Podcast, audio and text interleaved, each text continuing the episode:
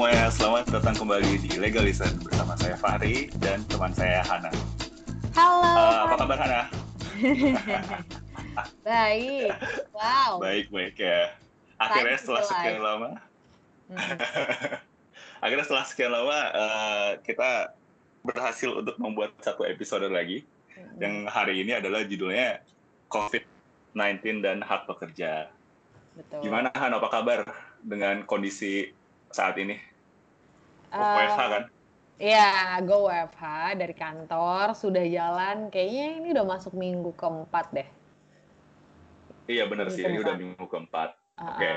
Uh, dan gue rasanya kerjaan sebenarnya jadi lebih intens sejatinya. Karena di rumah terus, karena kayak gak ada waktu untuk jalan, gak ada waktu untuk. Betul. Dan gak ada. Teman lo?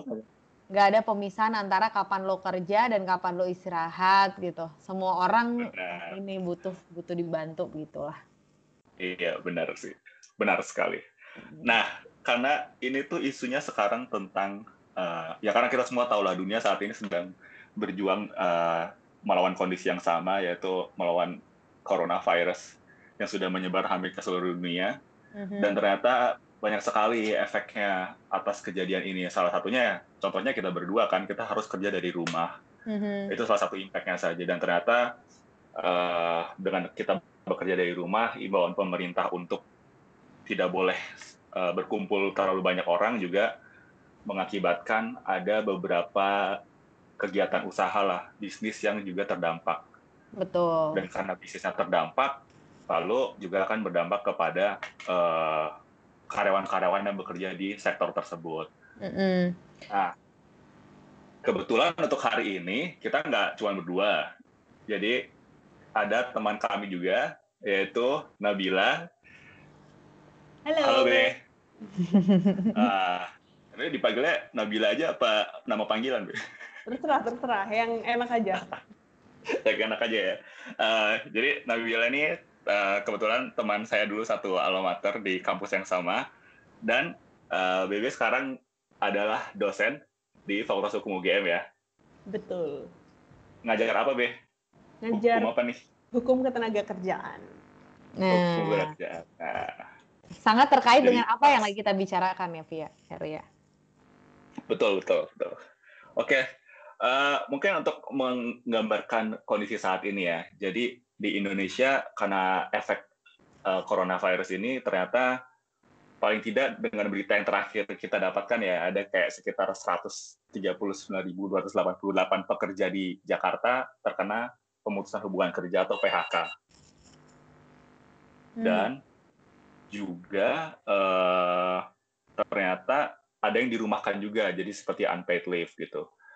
Uh, selain di Jakarta, di Bekasi pun ternyata banyak sekali pabrik-pabrik yang merumahkan pekerjanya dan juga melakukan PHK atas pekerjaannya gitu. Kenapa? Karena pada dasarnya tidak ada yang bisa dikerjakan gitu. Karena kebanyakan uh, ada beberapa pabrik itu mereka mempunyai memproduksi kayak komponen-komponen elektro atau komponen-komponen mesin gitu ya, yang sebenarnya harus diekspor uh, gitu ya Han mm-hmm. ke luar gitu. Nah ternyata ya bahan-bahannya tidak ada, tidak bisa ekspor juga, akhirnya tidak ada pekerjaan. Dengan ada tidak tidak ada pekerjaan ini, mau tidak mau perusahaan ya salah satu caranya untuk bisa bertahan sayangnya adalah uh, melakukan memutus hubungan kerja ke buruh-buruhnya gitu loh. Mm-hmm. Dan mungkin juga kita semua tahu lah kalau baca berita pasti ada industri-industri tertentu yang efeknya sangat terasa gitu kan. Betul. Contohnya industri hospitality gitu yang hotel, mm, hotel. Betul. Dan uh, kemarin bahkan temen gue tuh pulang dari Jakarta ke Surabaya, satu pesawat cuma berdua. Hmm. Gimana nggak rugi gitu kan. Hmm. Satu oh. pesawat itu bisa berdua, ya kan? Uh, bahkan gue denger juga nih gue baca jadi hotel-hotel di Bali itu ini talking tentang hospitality ya hotel di Bali itu mereka Uh, tapi ini ngomongin hotel bintang 4, bintang 5. Yang mana kalau di Bali hotel bintang 4, bintang 5 harganya mahal kan. 3 jutaan, 4 juta, Betul. 5 juta gitu. Nah, nah dia itu bikin harga satu minggu 3 juta untuk WFH, work from hotel. Hmm. Gitu. Jadi maksudnya sebenarnya make sense. Mending mereka ada penjualan daripada tidak sama sekali kan. Jadi mereka jual servis mereka super murah untuk orang mau pergi ke hotel dan kerja dari hotel gitu. Jadi bagi mereka ya punishmentnya banyak banget sih untuk industri-industri tertentu. Kayak tadi hospitality atau yang kayak manufacture itu kan juga yang apa yang produksi-produksi barang. Uh, yang tadi lu bilang ekspor nggak bisa tapi impor juga jadi nggak bisa kan. Misalnya barang baku banyak yang dari Cina Cina total lockdown gitu. Jadi nggak bisa juga nih kita mau produksi gitu. Betul masalah betul. juga uh -uh kalau di Jogja gimana Be? Kebetulan kan ya Jogja lah kita pernah di Jogja dan lu saat, saat ini masih di Jogja kota wisata. Hmm. Emang kerasa ya? banget sih, banget kalau misalnya di Jogja dari kemarin tuh salah satu yang gue pikirin adalah yang paling dekat dengan rumah gue itu adalah uh, ini produsen-produsen bakpia. Karena hmm. nggak ada uh, udah nggak ada orang yang wisatawan yang datang ke Jogja ya. Dan kalau misalnya orang Jogja sendiri jarang banget kan ada yang beli bakpia gitu. Bakpia itu adalah sesuatu yang kita jual untuk wisatawan yang datang ke Jogja. Dan udah banyak banget beberapa pabrik-pabrik bakpia dan penjual bakpia yang di dekat sini tuh udah pada tutup. Dan itu adalah sebenarnya representasi dari uh, uh, usaha di Jogja secara luas sih menurut gue. Hmm. Bener sih. Kalau kalau lu pernah ke Jogja kan, jadi kayak usaha bak bapia itu bener kata Bebe kayak kalau lu beli ke salah satu bapia yang di daerah apa Patuk ya. Hmm. Patuk itu jadi kayak lu biasanya diantar sama beca gitu loh. Iya kan? iya, gue pernah ke pabrik rumah ya kan ya. masuk bener bener bener masuk yeah. situ ya isinya turis nggak mungkin ada orang Jogja jarang banget lah datang yeah. ke situ dan itu tuh kalau lihat kan pabriknya gede gitu ya buruh-buruh yang mengerjakan itu banyak sekali dan kalau misalnya tidak ada yang beli dari wisatawan ya bisa kebayang sih gimana hmm. rasanya mereka kerasa impactnya. Hmm. Uh, kalau dari lo ada berita-berita dari luar Indonesia juga nggak Han? Karena pasti ini kan nggak cuma di Indonesia terjadinya dong. Uh, banyak sih yang gue baca uh, industri-industri, apalagi yang kayak hospitality tadi yang kita bahas kan Kayak misalnya contohnya uh, Marriott, tau kan Marriott Club gitu kan, yang punya JW Marriott. Nah itu mereka mau merumahkan P10 ribu karyawan ya kan. Itu terus uh, Tesla, Tesla ya kita tahu lah ya perusahaan. Dia nggak bisa dibilang startup juga sih, dia udah very well developed in the technology. Dia itu ada pengurangan pembayaran sampai 10%. Terus dia juga apa namanya uh, apa namanya bakal me merumahkan pekerja-pekerja yang tidak non esensial walaupun nggak tahu ya non esensial itu apa tapi ya gitu dia ada kebijakan seperti itu itu tadi kan Tesla terus ada juga nih uh, Sephora Sephora Makeup itu dia uh, menterminate orang sampai 3000 karyawan di US pakai conference call. Jadi ya ya mungkin mereka nggak bisa ketemu juga. Tapi lu bayangin gak sih lu ditelepon terus lu kayak eh sorry sorry gue nggak bisa lagi sama lo gitu. Udah nih terus dia di-cut aja 3000 orang lo bayangin kan. Dan iya. dan apa namanya kayak gue tuh wondering sih karena misalnya nih ini kan kayak oh yaudahlah pekerja-pekerja yang misalnya kita tadi ngomongin kayak Sephora, Tesla gitu kan, JW Marriott gitu yang yang maksudnya ya mungkin di dalam situ ada pegawai-pegawai yang non esensial kalau tadi kata kata Tesla gitu kan tapi gue uh, waktu itu suatu hari gue lagi visit LinkedIn gue nah di LinkedIn tuh bahkan ada temen gue yang nggak temen gue sih teman-teman gue kan lu kelihatan kan aktivitasnya. Nah dia itu kayak bilang eh sorry uh, eh gue nggak dapet kerjaan nih. Gue di di cut gara-gara covid gitu. And they're uh, like a blue color eh no they're white color employees gitu. Jadi maksud gue covid ini tuh benar-benar apa namanya bakal kena ke semua ini loh, ke semua bidang gitu dari yang lo mungkin yang buruh ataupun yang memang pekerja yang uh, white collar juga kena gitu. Jadi efeknya kena ke dunia juga sih. Apalagi Benar kayak sih. misalnya Amerika itu kan udah paling tinggi sekarang sedunia yang kena COVID kan. Iya, iya, iya. Nah, jadian setahu gue tuh juga ada beberapa negara pun akhirnya jadi turun tangan karena situasi seperti ini. Mm-hmm. Karena kan uh, jumlah apa ya namanya? Ya jumlah orang yang akhirnya harus di PHK pun luar biasa banyak. Jadi mau nggak mau uh, negara juga kayak memberikan dana tambahan atau ada kayak dana apa ya talangan gitulah ya untuk mm-hmm. uh, mereka nih membiayai orang-orang yang di PHK gitu. Lu pernah dengar nggak kayak negara-negara yang mencoba menanggulangi ini gitu? Caranya gimana? Nah, gue tuh nemu nih ada satu, dia tuh di Ireland, Republik Irlandia. Nah, dia tuh ada namanya COVID-19 Pandemic Unemployment Payment. Jadi, pemerintahnya memang menyiapkan payment untuk karyawan-karyawan yang di terminate atau diakhiri hubungan kerjanya atau di uh, terminate tapi temporarily, misalnya dirumahkan, uh, untuk bisa mendapatkan uang ini. Selama lo adalah berumur 18 sampai 66 tahun dan lo tinggal di daerah uh, maksudnya lu tinggal di Republic of uh, Irlandia gitu. Hmm. Uh, dan bahkan ini um, bukan cuma berlaku kepada kayak orang yang udah kerja, tapi juga misalnya kalau lu bisnis gitu, self employed gitu, atau lu student uh, tapi lu kehilangan employment lo gitu atau kehilangan fund lo, lu juga bisa dapet ini. Dan itu jumlahnya lumayan banget, 350 euro per week. Gede nggak tuh? Lu kan anak ini nih di Europe. Bisa nggak tuh 350 euro per week bisa hidup nggak tuh, Rik? Dulu uh, kosan gua tuh tempat tinggal sebulan 400 jadi 350 ya, ribu eh 350 euro bisa banget lah itu. Iya kali buat sebulan. Uh -uh. iya bisa iya. banget itu. Itu lu bisa sangat hidup sih. Jadi lu cuma perlu apply online dan lu bisa dapet ini. Hmm. ini menurut gue keren banget sih. Tapi ya again ya kita kan ngomong itu ngomongin negara maju jumlah penduduknya tidak sebanyak Indonesia jauh lebih sedikit gitu. Jadi ya banyak banyak faktor-faktor lah yang mengakibatkan mereka bisa menerapkan ini. Walaupun ini adalah ide yang sangat cemerlang kalau diterapkan. Betul. Mm-hmm. Betul sih. Ya walaupun pasti ya berapa ya uang negara yang terpakai juga pasti lumayan banyak sih untuk membiayai itu. Bahkan soalnya wira swasta ya kayak negara loh yang melakukan itu. Kenapa? Kenapa Nabila? Tapi emang udah banyak banget, udah udah banyak banget negara-negara yang melakukan itu karena kalau hmm. misalnya kita ngomongin ketenaga kerjaan itu kan uh, basically sebenarnya hukum ketenaga kerjaan kalau lo ingat uh, ini ya uh, kalimat pertama, gue tuh selalu ingat kalimat pertama yang dibilang di setiap kelas hukum ketenaga kerjaan adalah hukum ketenaga kerjaan adalah hukum privat yang juga sekaligus publik. Betul. Kenapa dia dibilang kayak gitu? Karena dia itu pada dasarnya triangular. Jadi hukum ketenaga kerjaan itu bukan cuma tanggung jawab pekerja dan pengusaha, tapi juga tanggung jawab negara. Nah, benar bahwa di saat-saat kayak gini memang ada banyak negara yang kemudian uh, mengingat itu gitu loh, bahwa oh ya nih kayaknya gue nggak bisa me, me, menimpakan permasalahan ini cuman ke pengusaha misalnya, karena pengusahanya juga boncos kan gitu. Jadi hmm. ada negara lah yang harus turun tangan untuk gue gantiin hmm. deh gitu. Kalau misalnya yang Inggris juga sekarang udah punya skema yang sama skema COVID-19 yang buat pekerja maupun buat self employed juga. Kalau hmm. Amerika juga dia punya dia baru akan launching skema yang sebenarnya dia agak-agak kayak UBI. Uh, eh, kalian tahu UBI nggak sih Universal Basic Income? Hmm. Yang pada dasarnya semua orang itu dikasih duit sama negara satu satu bulan misalnya kayak 1.500 dolar gitu. Semua orang.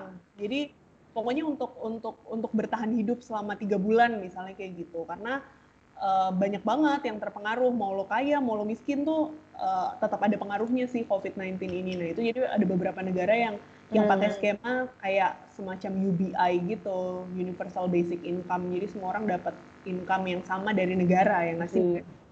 yang yang yang gua tahu New York sekarang uh, setiap hari bisa kasih makan tiga kali sehari gratis.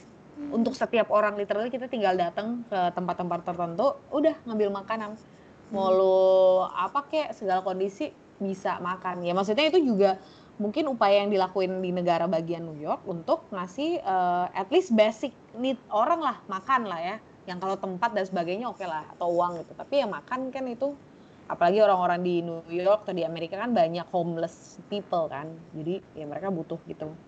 Poin yang penting juga sih berarti yang Bebe tadi bilang ya emang pada dasarnya ya kerjaan nggak cuma masalah uh, ini juga ya antara uh, perusahaan dan tenaga kerjanya juga gitu karena pemerintah juga harusnya andil dalam uh, pertimbangan-pertimbangannya kalau misalnya hmm. jadi situasi seperti ini gitu. Hmm. Nah uh, kita coba untuk melihat uh, perspektifnya Indonesia nih untuk uh, menghadapi permasalahan ini. Hmm seperti yang udah kita tadi ceritakan di awal, ya Indonesia juga terkena impact-nya dan banyak eh, perusahaan-perusahaan yang harus mem-PHK buruhnya atau pekerjanya. Kita kan Undang-Undang Ketenagakerjaannya adalah Undang-Undang 13 tahun 2003, ya kan, Be? Betul. Di undang-undang pun sebenarnya sepemahaman kita adalah mereka mengatur kalau misalnya ada situasi contohnya di pasal 93 gitu. Kalau misalnya upah tidak dibayar apabila pekerja atau buruh tidak melakukan pekerjaan. Nah, ini salah satu alasan uh, yang dipakai beberapa perusahaan di Indonesia juga. Kayak misalnya di pabrik gitu. Ya, asumsinya kayak interpretasinya adalah karena ya tidak bisa melakukan pekerjaan juga gitu. Karena tidak ada ekspor, tidak ada impor yang datang ya apa yang mau dipekerjakan kan. Jadi pekerjaannya hmm. hilang. Gitu. Oleh karena itu akhirnya mereka ya jadi tidak bisa membayar upah seperti itu. Dan kalau nggak salah ada surat edaran menteri juga ya Han yang baru hmm. yang spesifik membahas uh, kelangsungan usaha nih di karena COVID-19. Betul. Nah, jadi sebenarnya di surat edaran ini tuh yang dibahas banyak ruang lingkupnya. Misalnya contohnya kalau pegawai sakit atau pegawai yang bakal di, uh, disuspek bisa COVID itu ada treatmentnya. Nah, cuma ini kita mau stressing out sama uh, bagian 2 nomor 4 dari surat edaran nomor 3 2020 dari uh, Kementerian Tenaga Kerja uh, Republik Indonesia. Nah, dia bilang bahwa kalau perusahaan-perusahaan melakukan pembatasan kegiatan usaha akibat kebijakan pemerintah di daerah untuk mencegah COVID-19 sehingga menyebabkan seluruh atau sebagian pekerja buruh tidak masuk kerja, maka perubahan besaran maupun cara pembayaran upah pekerja atau buruh dilakukan dengan kesepakatan antara pengusaha dengan pekerja buruh. Nah, jadi yang gue tangkap dari ketentuan ini bahwa perusahaan tuh sebenarnya di sama pemerintah itu dikasih uh, kelonggaran gitu untuk melakukan uh, adjustment atau penyesuaian terhadap gaji karena memang ada batasan juga dari jam kerja yang diberikan oleh pemerintah. Itu jadi kayak efek efek simultan gitu loh. Jadi pemerintah membatasi waktu kerja. Mungkin jadi ada hal-hal yang tidak bisa dilakukan. Maka harus ada efektivitas yang dilakukan pemerintah. Boleh dilakukan tapi memang di pasal itu dibilang bahwa harus ada kesepakatan antara pengusaha dengan pekerja buruh. Mungkin yang jadi masalah sekarang Uh, kayak misalnya kita suka baca ya ada berapa ratus ribu orang gitu di, di dirumahkan. Atau mungkin di diakhiri hubungan kerjanya. Nah itu nggak tahu tuh apakah kesepakatan itu ada atau itu modelnya cuma kayak oke okay, saya di email atau misalnya kasih tahu oke okay, kamu tidak bekerja ya gitu. Nah kalau kayak gitu mungkin unsur kesepakatan ini jadi dipertanyakan sih sebenarnya. Kalau Walaupun dari BB, justifikasinya ada gitu. Betul. Kalau dari BB ada ini nggak kayak pandangan terhadap surat edaran menteri yang baru dikeluarkan ini juga? Hmm. Mm-mm. Jadi kalau misalnya kita ngomongin surat edaran menteri itu kan uh, surat edaran ini udah keluar di bulan Maret ya. Jadi waktu masih agak awal-awal COVID, uh, mungkin hmm. pemerintah juga belum kepikiran bahwa uh, akan sebesar ini karena uh, eskalasinya belum sebesar ini. Tapi hmm. memang uh, menurut gue sih ada hal yang perlu dikritisi memang dari surat edaran ini karena kalau misalnya mau nggak mau kita membandingkan dengan bagaimana negara lain me, uh, me, memitigasi masalah ketenaga kerjaan di gara-gara COVID ya. Surat edaran ini tuh sebenarnya sama sekali tidak menunjukkan adanya tidak memberikan tanggung jawab kepada pemerintah. Jadi semua tanggung jawabnya tetap diserahkan ke pekerja dan pengusaha karena hmm. adalah hmm. oke okay, kita memberikan kelonggaran, kamu boleh nggak ngegaji atau kamu boleh unpaid leave atau apa, berdasarkan kesepakatan dari pekerja dan pengusaha. Tapi pemerintah di sini belum step in gitu loh. Ada nggak sih yang bisa dibantu oleh pemerintah? Karena surat edaran hmm. ini belum hmm. bilang itu sekali. Dan kalau kita bicara mengenai uh, kesepakatan dari pekerja dan pengusaha, itu kan sebenarnya adalah hal yang selalu debatable ya. Karena hubungan pekerja dan pengusaha itu kan hubungan subordinatif, yang mana hubungannya hmm. seimbang antara pekerja hmm. dan pengusaha.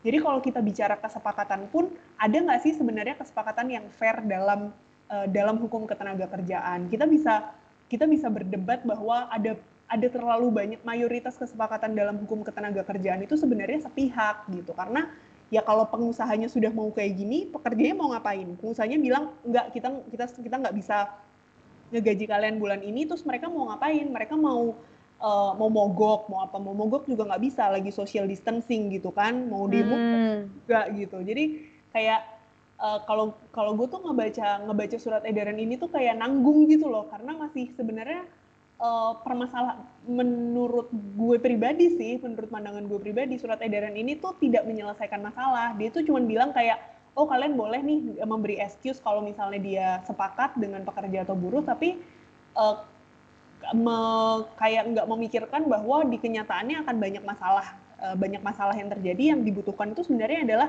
apa sih sebenarnya yang bisa pemerintah bantu pemerintah bisa bantu hmm.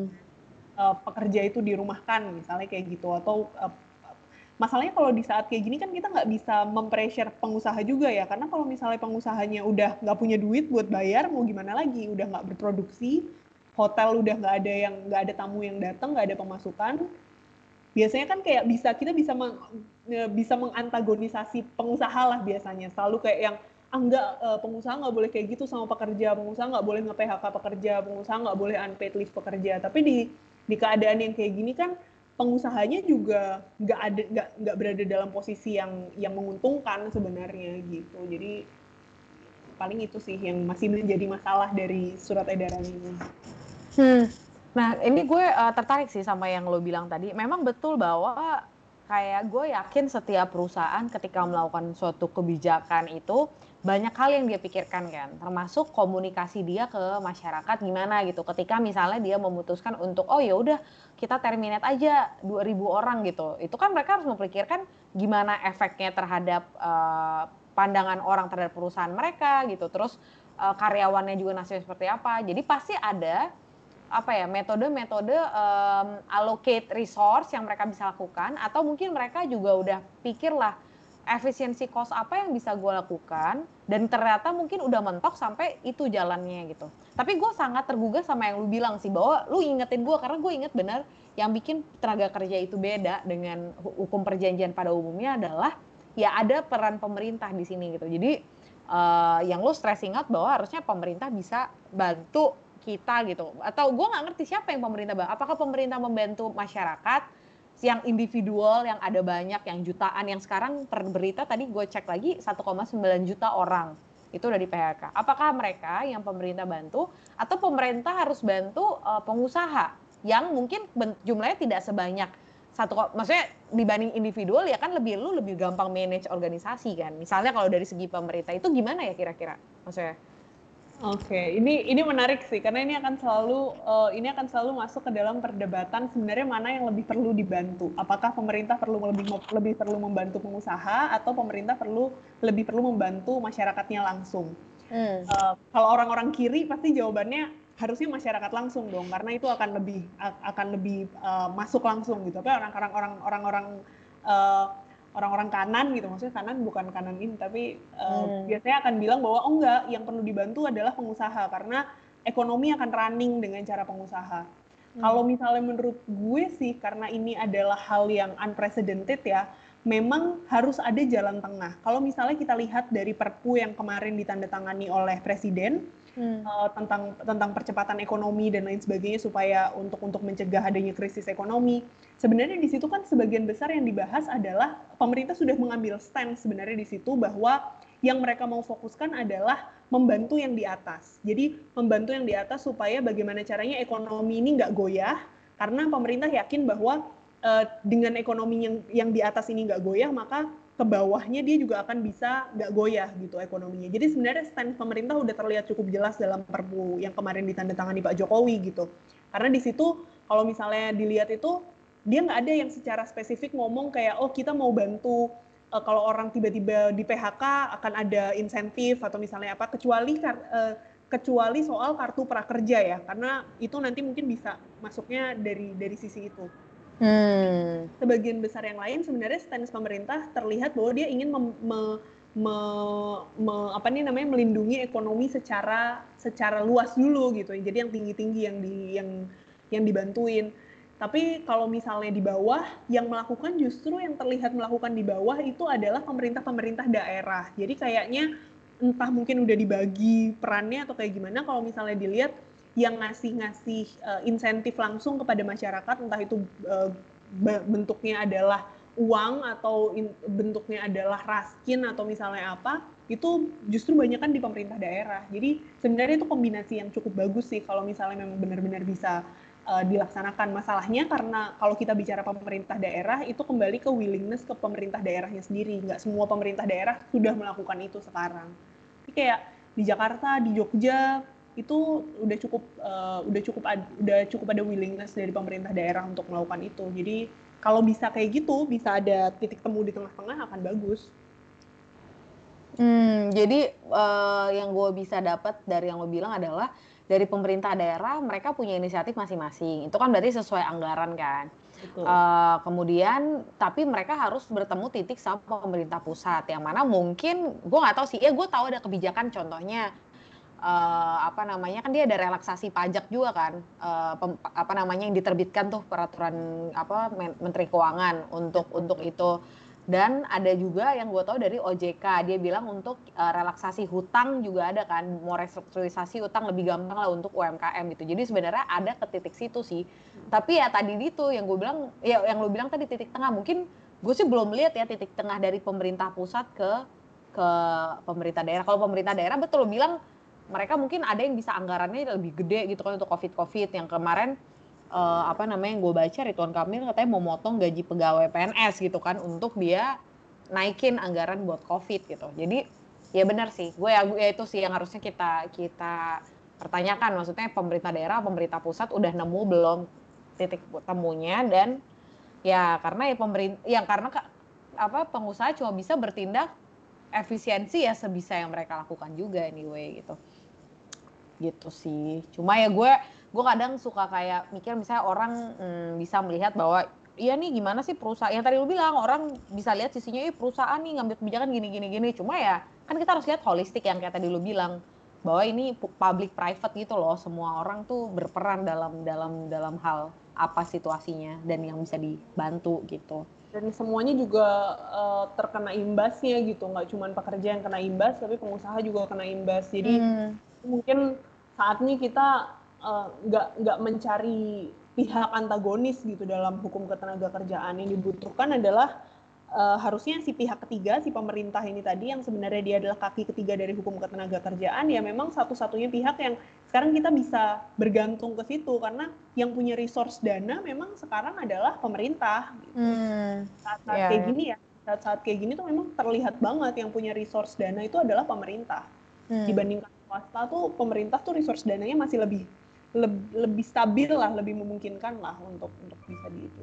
Kayak sekarang hmm. kan uh, gaji-gaji PNS yang eselon 1 eselon 2 katanya mau di mau dikurangin, hmm. THR nggak dikasih yang eselon 1 eselon 2 misalnya hmm. kayak gitu.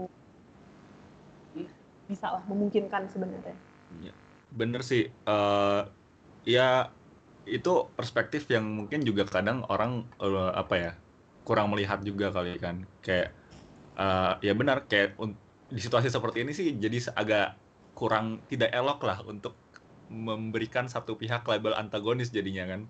Kayak dari pengusaha pun juga pasti kerasa lah ada apa namanya ada situasi seperti ini bagaimana cara mereka harus survive gitu. Dan menurut saya juga tidak ada yang mau sih dari pengusaha yang kehilangan uh, revenue-nya mereka gitu kan. Dan juga pasti nggak mau juga mereka uh, kehilangan pekerja-pekerjanya juga gitu yang bener kata BB juga di situasi seperti ini tadi itu kata-kata yang selalu gue dengar beberapa hari terakhir jadi kayak unprecedented.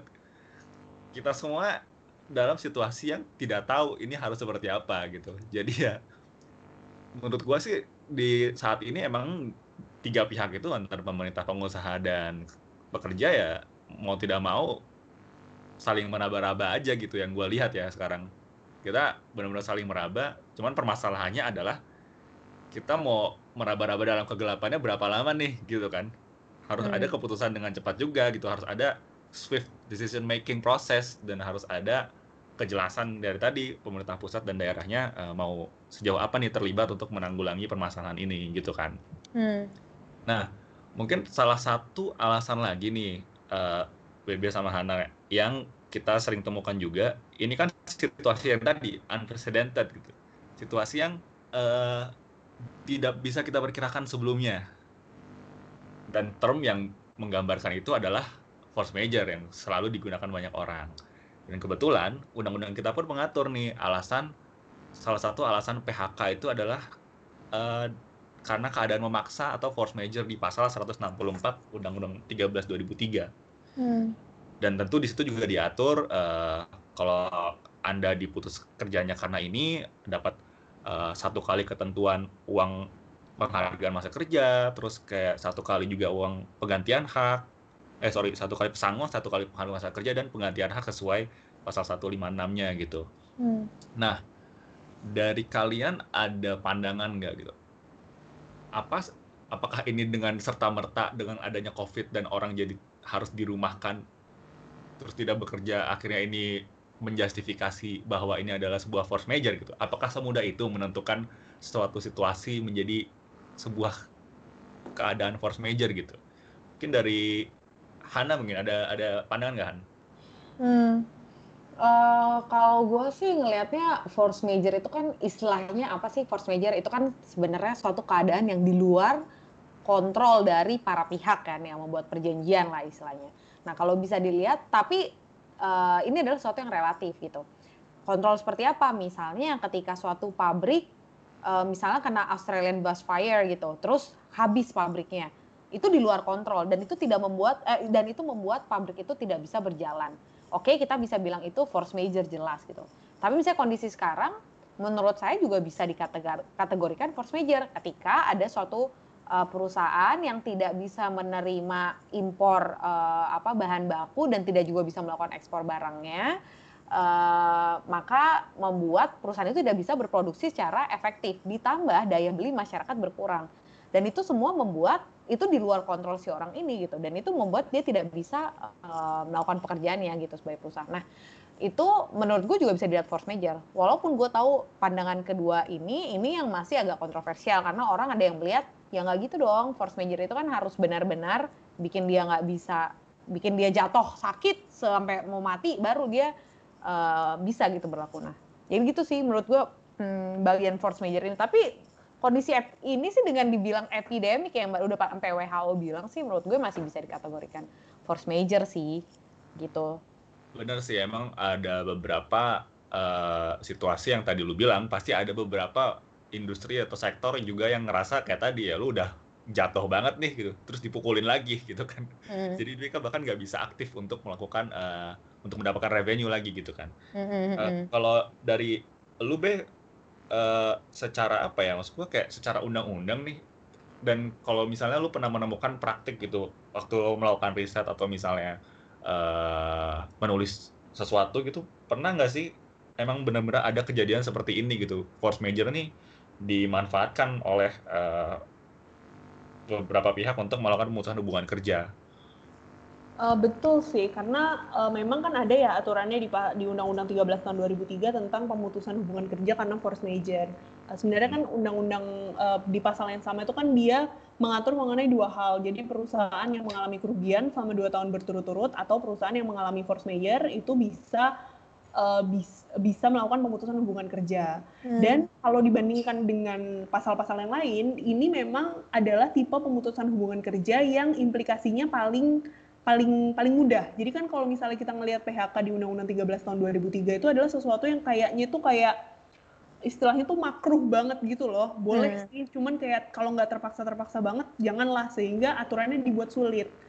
Uh, dibuat sulit perusahaan untuk melakukan PHK. Dia harus harus ngebayar pesangon yang cukup tinggi, terus harus ada penetapan uh, penetapan dari pengadilan hubungan industrial atau atau aturan-aturan lain yang kayak gitu. Nah, Uh, salah satu pengecualiannya adalah PHK karena force major karena itu di, dikatakan ada force major jadi ya boleh orang melakukan PHK dengan cara uh, hanya memberi pesangon satu kali kemudian penghargaan penghargaan masa kerja itu juga satu kali kalau nggak salah dan itu paling sedikit dibandingkan dengan uh, alasan yang lain alasan hmm. PHK yang lain dan karena itu uh, pasal ini memang sering digunakan beberapa kali uh, terlihat digunakan oleh perusahaan untuk uh, melakukan pemutusan hubungan kerja karena artinya kewajiban dia untuk setelah melakukan PHK menjadi tidak terlalu tinggi kalau dia menggunakan pasal ini. Tapi ini memang masih menjadi perdebatan nih pasal ini karena kata-kata uh, force major itu sendiri masih banyak dipertanyakan. Kalau misalnya dilihat dari putusan-putusan pengadilan hubungan industrial, sebenarnya istilah force major dalam yang sebagai alasan PHK itu sebenarnya masih banyak dipertanyakan uh, sampai pada batas mana. Apakah force major ini harus membuat perusahaan tutup misalnya, baru dia kemudian bisa menjadikannya alasan untuk melakukan PHK. Hmm. Atau uh, soalnya kalau misalnya COVID ini, misalnya kita ngomongin hotel-hotel gitu kan, itu kan sebenarnya dia nggak akan tutup selamanya. Mudah-mudahan nggak akan nggak akan tutup selamanya gitu kan. Dia mungkin akan break satu bulan, dua bulan, tiga bulan dia nggak bisa berproduk, dia nggak bisa ada uh, ada pemasukan. Tapi setelah itu dia bisa uh, running lagi. Nah yang kayak kayak gini sebenarnya boleh nggak sih dijadikan alasan untuk melakukan pemutusan hubungan kerja. Jadi itu memang masih perdebatan. Hmm. Jadi masalah di masalah di pasal ini tuh kayak gitu karena nggak ada nggak ada penjelasan yang yang cukup clear di pasal terkait force major di Undang-Undang 13 tahun 2003 itu apakah force major ini artinya harus perusahaannya tutup? Karena kan kalau misalnya alasan karena perusahaan tutup itu ada sendiri kan? Ada alasannya tersendiri. Betul. Terus kalau misalnya jadi yang di force major kayak gini tuh maksudnya apa? Apakah selama pokoknya uh, ibaratnya kalau misalnya ada gunung merapi meletus terus habis itu dia kena kena kena letusan gunung merapi dan dia nggak bisa running selama seminggu apakah kemudian itu bisa dijadikan alasan sebagai uh, sebagai force majeure pemutusan hubungan kerja itu yang masih menjadi perdebatan kalau misalnya soal ini tapi memang kalau kita lihat by text dan melihat uh, melihat kenyataan yang ada di masa covid ini ya sangat mungkin ini dijadikan alasan bagi pengusaha untuk melakukan pemutusan hubungan kerja dengan landasan hukum di pasal ini gitu. Hmm, kalau gitu misalnya ternyata oke okay, measure-nya misalnya termination nggak bisa diambil gitu kan. Ah, bukan nggak bisa diambil sih karena tadilah ketidakjelasan kan. Maksudnya dia hmm. harus to what extent gitu. Kalau gitu gimana kalau misalnya perusahaan mengambil langkah lain gitu. Misalnya kayak yang sering juga dirumahkan. Itu kan lagi sering juga tuh dirumahkan dan tidak digaji atau salary cut kayak tadi gitu. Tapi mungkin salary cut yang ekstrim 70% gitu misalnya. Nah itu gimana ya hak-hak pekerja gitu terhadap itu kan kalau dari pembacaan gue dengan pembacaan uh, apa ya pembacaan plain gue terhadap yang uh, peraturan apa tadi uh, surat edaran kan yang penting berdasarkan persetujuan. Tapi lu juga mencerahkan tadi oh mana, itu kan mana mungkin itu bentuknya angan-angan sebenarnya persetujuan kan. Jadi itu gimana ya kalau misalnya treatment untuk kayak perumah dirumahkan unpaid leave gitu-gitu tuh maksudnya itu sebenarnya masih oke okay nggak sih kalau dari sisi keilmuan yang lo lo lihat gitu? Um, apa ya kalau pertanyaannya masih oke okay atau enggak agak agak susah di, di yeah, yeah, yeah. di kondisi kayak gini karena sebenarnya nggak ada kondisi yang enak gitu kan kita kalau kita melihat dari posisi sebagai pekerja tiba-tiba kita unpaid leave tiga bulan itu kan suram juga hidup kita gitu kan jadi hmm. sebenarnya memang nggak ada posisi yang enak di masa di masa sekarang tapi uh, memang ada beberapa hal yang ada beberapa hal yang uh, bisa diterapkan oleh pengusaha. Biasanya memang pengusaha ketika dia melakukan unpaid leave, dia alasannya adalah pasal mengenai uh, asas no work no pay di Undang-Undang 13 tahun 2003 kan. Jadi kan hmm. 13 2003 itu pada dasarnya asal asas pengupahannya adalah no work no pay. Ketika kamu tidak bekerja, maka ya kamu tidak mendapatkan upah. Tapi pasal uh, asas no work no pay itu sendiri ada pengecualian-pengecualiannya. Salah satunya adalah sakit. Nah, permasalahannya dalam konteks COVID dan kalau kita ngelihat di, dalam surat edaran, orang-orang yang beneran sakit, orang-orang yang beneran sakit itu memang bisa dapat pengecualian asas no work no pay. Hmm. dia sakit nggak mungkin dong, masa lo di, di unpaid leave, dirumahkan atau di PHK, apalagi gara-gara kamu kena COVID misalnya.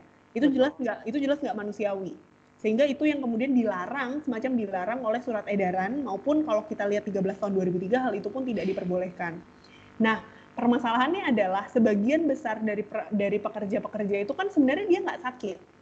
Yang sakit itu kan situasinya, bukan orangnya kan. Situasinya sekarang lagi sakit nih, tapi orangnya kan sebenarnya nggak sakit. Kita sehat-sehat aja sehingga pengecualian sakit itu tidak bisa digunakan terhadap orang itu tadi. Itulah kenapa si surat edarannya bilang, ya udah deh, yang penting gimana kesepakatan kalian aja gitu. Nah, karena meskipun gue sendiri tidak sepakat dengan surat edaran ini, tapi surat edarannya memang sudah mengatakan bahwa harus ada uh, apa pun kondisinya diperbolehkan asalkan ada kesepakatan dari pengusaha dan pekerja. Yang memang sekarang dibutuhkan itu adalah uh, apa ya kebijaksanaan dari pengusaha itu sendiri supaya kita sama-sama tahu ini adalah situasi sulit, bagaimana caranya tidak situasi sulit ini juga tidak menyulit, tidak semakin menyulitkan bagi orang lain. Dalam hal ini adalah pekerja yang membutuhkan pekerjaan. Jadi karena memang uh, eh, SE-nya udah bilang oke okay, kesepakatan, ya yang harusnya didorong adalah uh, adalah upaya-upaya kesepakatan yang fair antara pekerja dan pengusaha di masa-masa kayak gini. Caranya kayak gimana? Bisa lewat serikat pekerja misalnya, kalau misalnya perusahaan itu dan punya serikat pekerja, serikat pekerjanya bisa mengadvokasi uh, unpaid leave atau potong gaji atau terminasi yang lebih yang lebih manusiawi, yang tetap mempertimbangkan kebutuhan dari pekerjanya itu sendiri dengan tidak uh, dengan tidak me menyulitkan pengusaha atau hal-hal kayak gitu. Benar juga untuk masalah force major itu tidak semudah itu untuk menentukan sesuatu jadi force major sih. Kalau misalnya, kalau gue nih biasanya di uh, selama bekerja gitu kan ada klausa-klausa di perjanjian tentang force major. Itu aja biasanya ada tambahan-tambahannya lagi gitu. Jadi kayak klausa ter apa pengakhiran perjanjian gitu karena force major misalnya. Dan itu pun kayak ada tambahan-tambahannya lagi. Misalnya kalau salah satu pihak terkena force major biasanya ada tambahan kayak ya yang terkena harus memberitahukan kepada pihak pihak lainnya. Paling tidak tiga uh, seminggu atau tiga hari setelah terkena force major gitu. Dan pemberitahuannya pun harus ada dari uh, instansi pemerintah terkait gitu yang ngomong kalau ini force major gitu. Jadi hmm. mungkin konteks yang ingin gue sampaikan adalah hmm, tidak semudah itu juga memang untuk uh, menentukan sesuatu itu force major untuk kondisi covid gitu. Bahkan untuk perjanjian-perjanjian bisnis biasa pun uh, itu pun sangat sulit untuk menentukannya gitu lah apalagi di situasi seperti ini uh, yang sama-sama kita tahu juga belum tahu selesainya kapan efeknya tuh apa gitu kita nggak tahu. Nah Berarti kalau kita bisa ambil tiga hal lah kira-kira benang merahnya nih apa yang biasanya dilakukan oleh uh, uh, pengusaha lah di situasi ini antara potong gaji, unpaid leave atau diakhiri kan di PHK perjanjiannya. Nah uh, di Indonesia ini kemarin ada berita yang gue baca juga yang akhirnya uh, Bapak Presiden me, apa ya sekaligus me, apa namanya ya mempromosikan gitu ya salah satu programnya dia mempercepat juga gitu. Namanya ada kartu prakerja. Jadi uh, Pak Presiden Jokowi kemarin sempat bilang, iya memang dia mengakui lah, dia mengakui bakal ada banyak sekali pihak-pihak yang di PHK, pekerja-pekerja yang harus uh, kehilangan pekerjaannya di situasi ini gitu.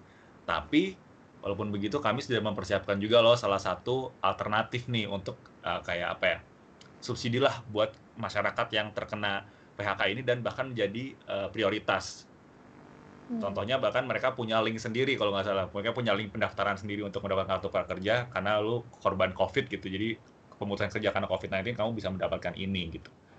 Hmm.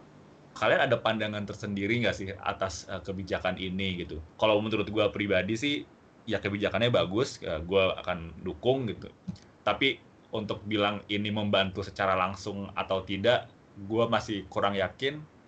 Tapi apa pun itu gue tetap mendukung lah uh, di situasi seperti ini kayaknya itu juga salah satu inisiatif yang baik gitu aja sih kalau hmm. dari BB mungkin ada pandangan oh, tersendiri nggak tentang gue ini? Gue sepakat sih kalau menurut gue pribadi bahkan sebelum adanya COVID-19 ini sendiri inisiatif kartu prakerja itu kan sudah sudah ada dan itu memang inisiatif yang cukup baik sebenarnya. Idenya uh, idenya menarik. Cuman memang yang gue sendiri belum paham ya apakah akan ada penyesuaian kartu prakerja apakah akan ada penyesuaian benefit dari kartu prakerja sebelum COVID ini dan setelah adanya pandemi COVID ini? Karena pada pada ide awalnya sebenarnya kan kartu prakerja itu nggak kalian dikasih duit kayak uh, memang ada benefit misalnya satu bulan ada benefit sebesar kayak 3 juta misalnya kayak gitu. hmm. gitu tapi kan benefit itu sebenarnya di ide awalnya kartu prakerja itu bukan dalam bentuk uang tapi dalam bentuk uh, entah pelatihan, entah apa pun yang intinya membantu seseorang supaya dia bisa lebih cepat mendapatkan pekerjaan.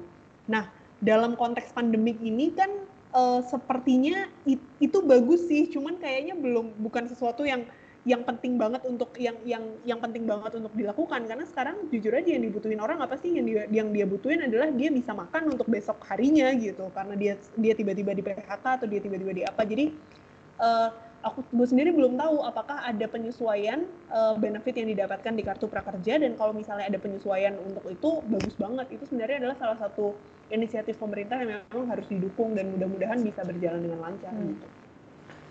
Kalau gue sih ngelihat uh, kartu prakerja ini apa ya pemerintah tuh kayak mau ini sih sedia payung sebelum hujan gitu. Jadi maksudnya benar kalau misalnya nih kan ceritanya lu memberikan pelatihan-pelatihan. Setelah lu memberikan pelatihan, dia siap kerja. Cuma pun ketika dia siap kerja, perusahaannya gimana? Nah, kalau perusahaan masih COVID-19 atau mungkin produksi masih melambat, mungkin tenaga apa namanya eh, lowongan atau lapangan kerja tidak necessarily langsung ada gitu loh. Tapi yang mungkin ini menurut gue ini butuh waktu sih untuk mendapatkan efek dari prakerja. Tapi maksudnya ya it's a, it's a good it's a very good inisiatif maksudnya dari pemerintah untuk bisa. Tadi yang lu bilang mungkin dia juga berusaha bantu individuals dengan cara ini apa namanya uh, pakai si kartu prakerja ini. Dan kayak kemarin tuh gue ngeliat IG story-nya siapa ya? Ganjar Pranowo atau ya? Nah dia bilang bahwa kayaknya untuk daerah Jawa Tengah tuh um, apa namanya banyak berapa ya 18 gue lupa 5 juta atau berapa gitu kapasitasnya. Tapi yang daftar itu baru kayak berapa belas ribu gitu. Jadi mungkin ya ya itu ini kan tentang masalah komunikasi produk ini gimana gitu. Tapi maksudnya memang dari segi kapasitas jumlahnya banyak yang pemerintah cadangkan sih untuk kartu prakerja ini gitu. Cuma ya ya nanti lah mungkin ya it goes further lah mungkin masalah di kartu prakerja. Tapi ya very good sih menurut gue. Iya sih, gue juga sepakat sih. Ya. Kalau kita melihat efeknya gimana, gue lebih melihatnya kayak ini adalah uh, ya pemerintah memberikan perannya saja sih di di situasi seperti ini gitu. Mereka mencoba untuk uh, intinya apa ya? Intinya kita kayak punya payung gitu udah banyak bolong-bolongnya nih. Jadi kayak ya, ya cobalah kita tambal pelan-pelan satu-satu. Yang kita punya apa ya udah kita manfaatkan itu dulu sih. Gue lebih melihatnya seperti itu juga.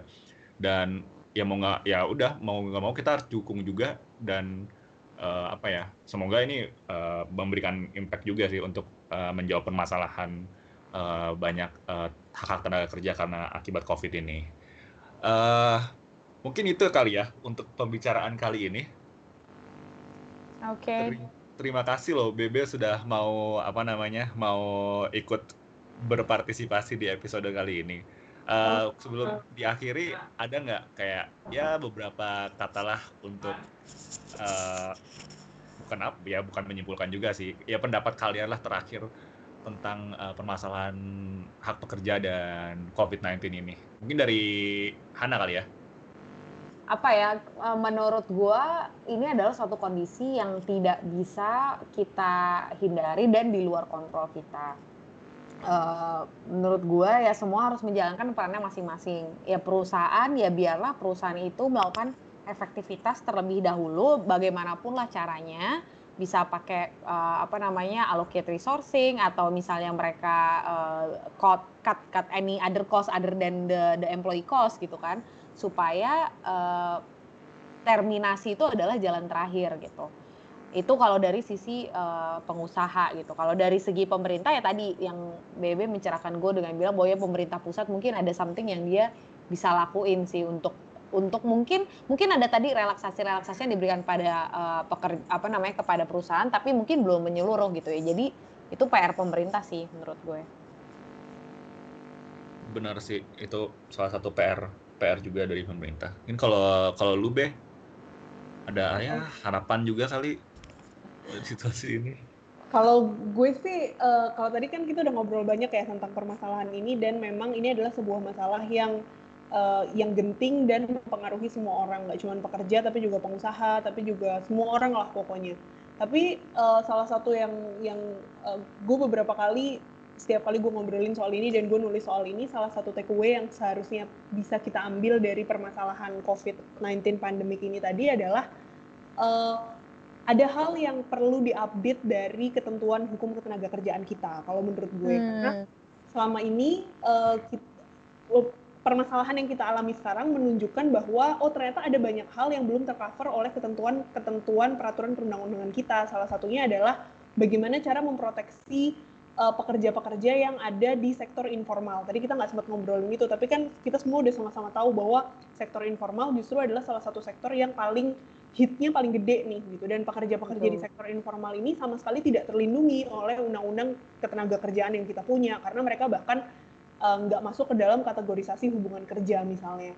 Nah hal-hal kayak gini yang seharusnya perlu untuk dipikirkan gitu ketika uh, kemarin misalnya ada omnibus law yang rame-rame yang salah satunya mau mau mengubah ketentuan dalam hukum ketenaga kerjaan harusnya justru hal-hal kayak gini nih yang dipikirin gimana caranya uh, pekerja informal tuh bisa terproteksi kalau misalnya ada ada masalah-masalah uh, force majeure yang kayak gini, ada pandemi yang kayak gini. Nah, itu yang harusnya mulai dipikirkan oleh oleh pemerintah, oleh stakeholder-stakeholder ketenaga kerjaan lain gitu. Jangan sampai ketika udah ada masalah baru deh kita kebingungan gimana nih caranya ngelindungi pekerja misalnya kayak gitu. Itu sih yang uh, yang menurut gue uh, menarik untuk bisa di uh, di follow up lebih lanjut setelah COVID ini selesai. Gitu. Iya benar sih sepakat juga sih. Itu juga jadi apa ya? Uh, mungkin nggak kesadaran juga buat kita sebagai orang-orang yang, yang apa memperhatikan hukum gitu paling tidak sebagai hmm. sarjana hukum lah kita juga tahu kalau ternyata oh ada hal-hal yang uh, harus dikembangkan juga dari hukum yang selama ini kita bicarakan gitu kan. Untuk menghadapi situasi seperti ini kayaknya kita jadi kurang berevolusi gitu. Secara secara hukum gitu kan. Uh, ya semoga sih untuk ke depannya uh, kita lebih apa ya menurut gue lebih kuat lah untuk menghadapi situasi-situasi seperti ini terutama di bagian hukum ketenaga kerjaannya. Itu sih uh, ya mungkin itu aja untuk episode kali ini terima kasih buat teman-teman yang sudah mendengarkan terima kasih juga buat BB yang sudah berpartisipasi Hana juga terima kasih atas waktunya seperti biasa. uh, kita lebih aktif lagi ya. Iya, semoga nih kita lebih aktif lagi nih. Aduh. Dengan PMK ini. Iya.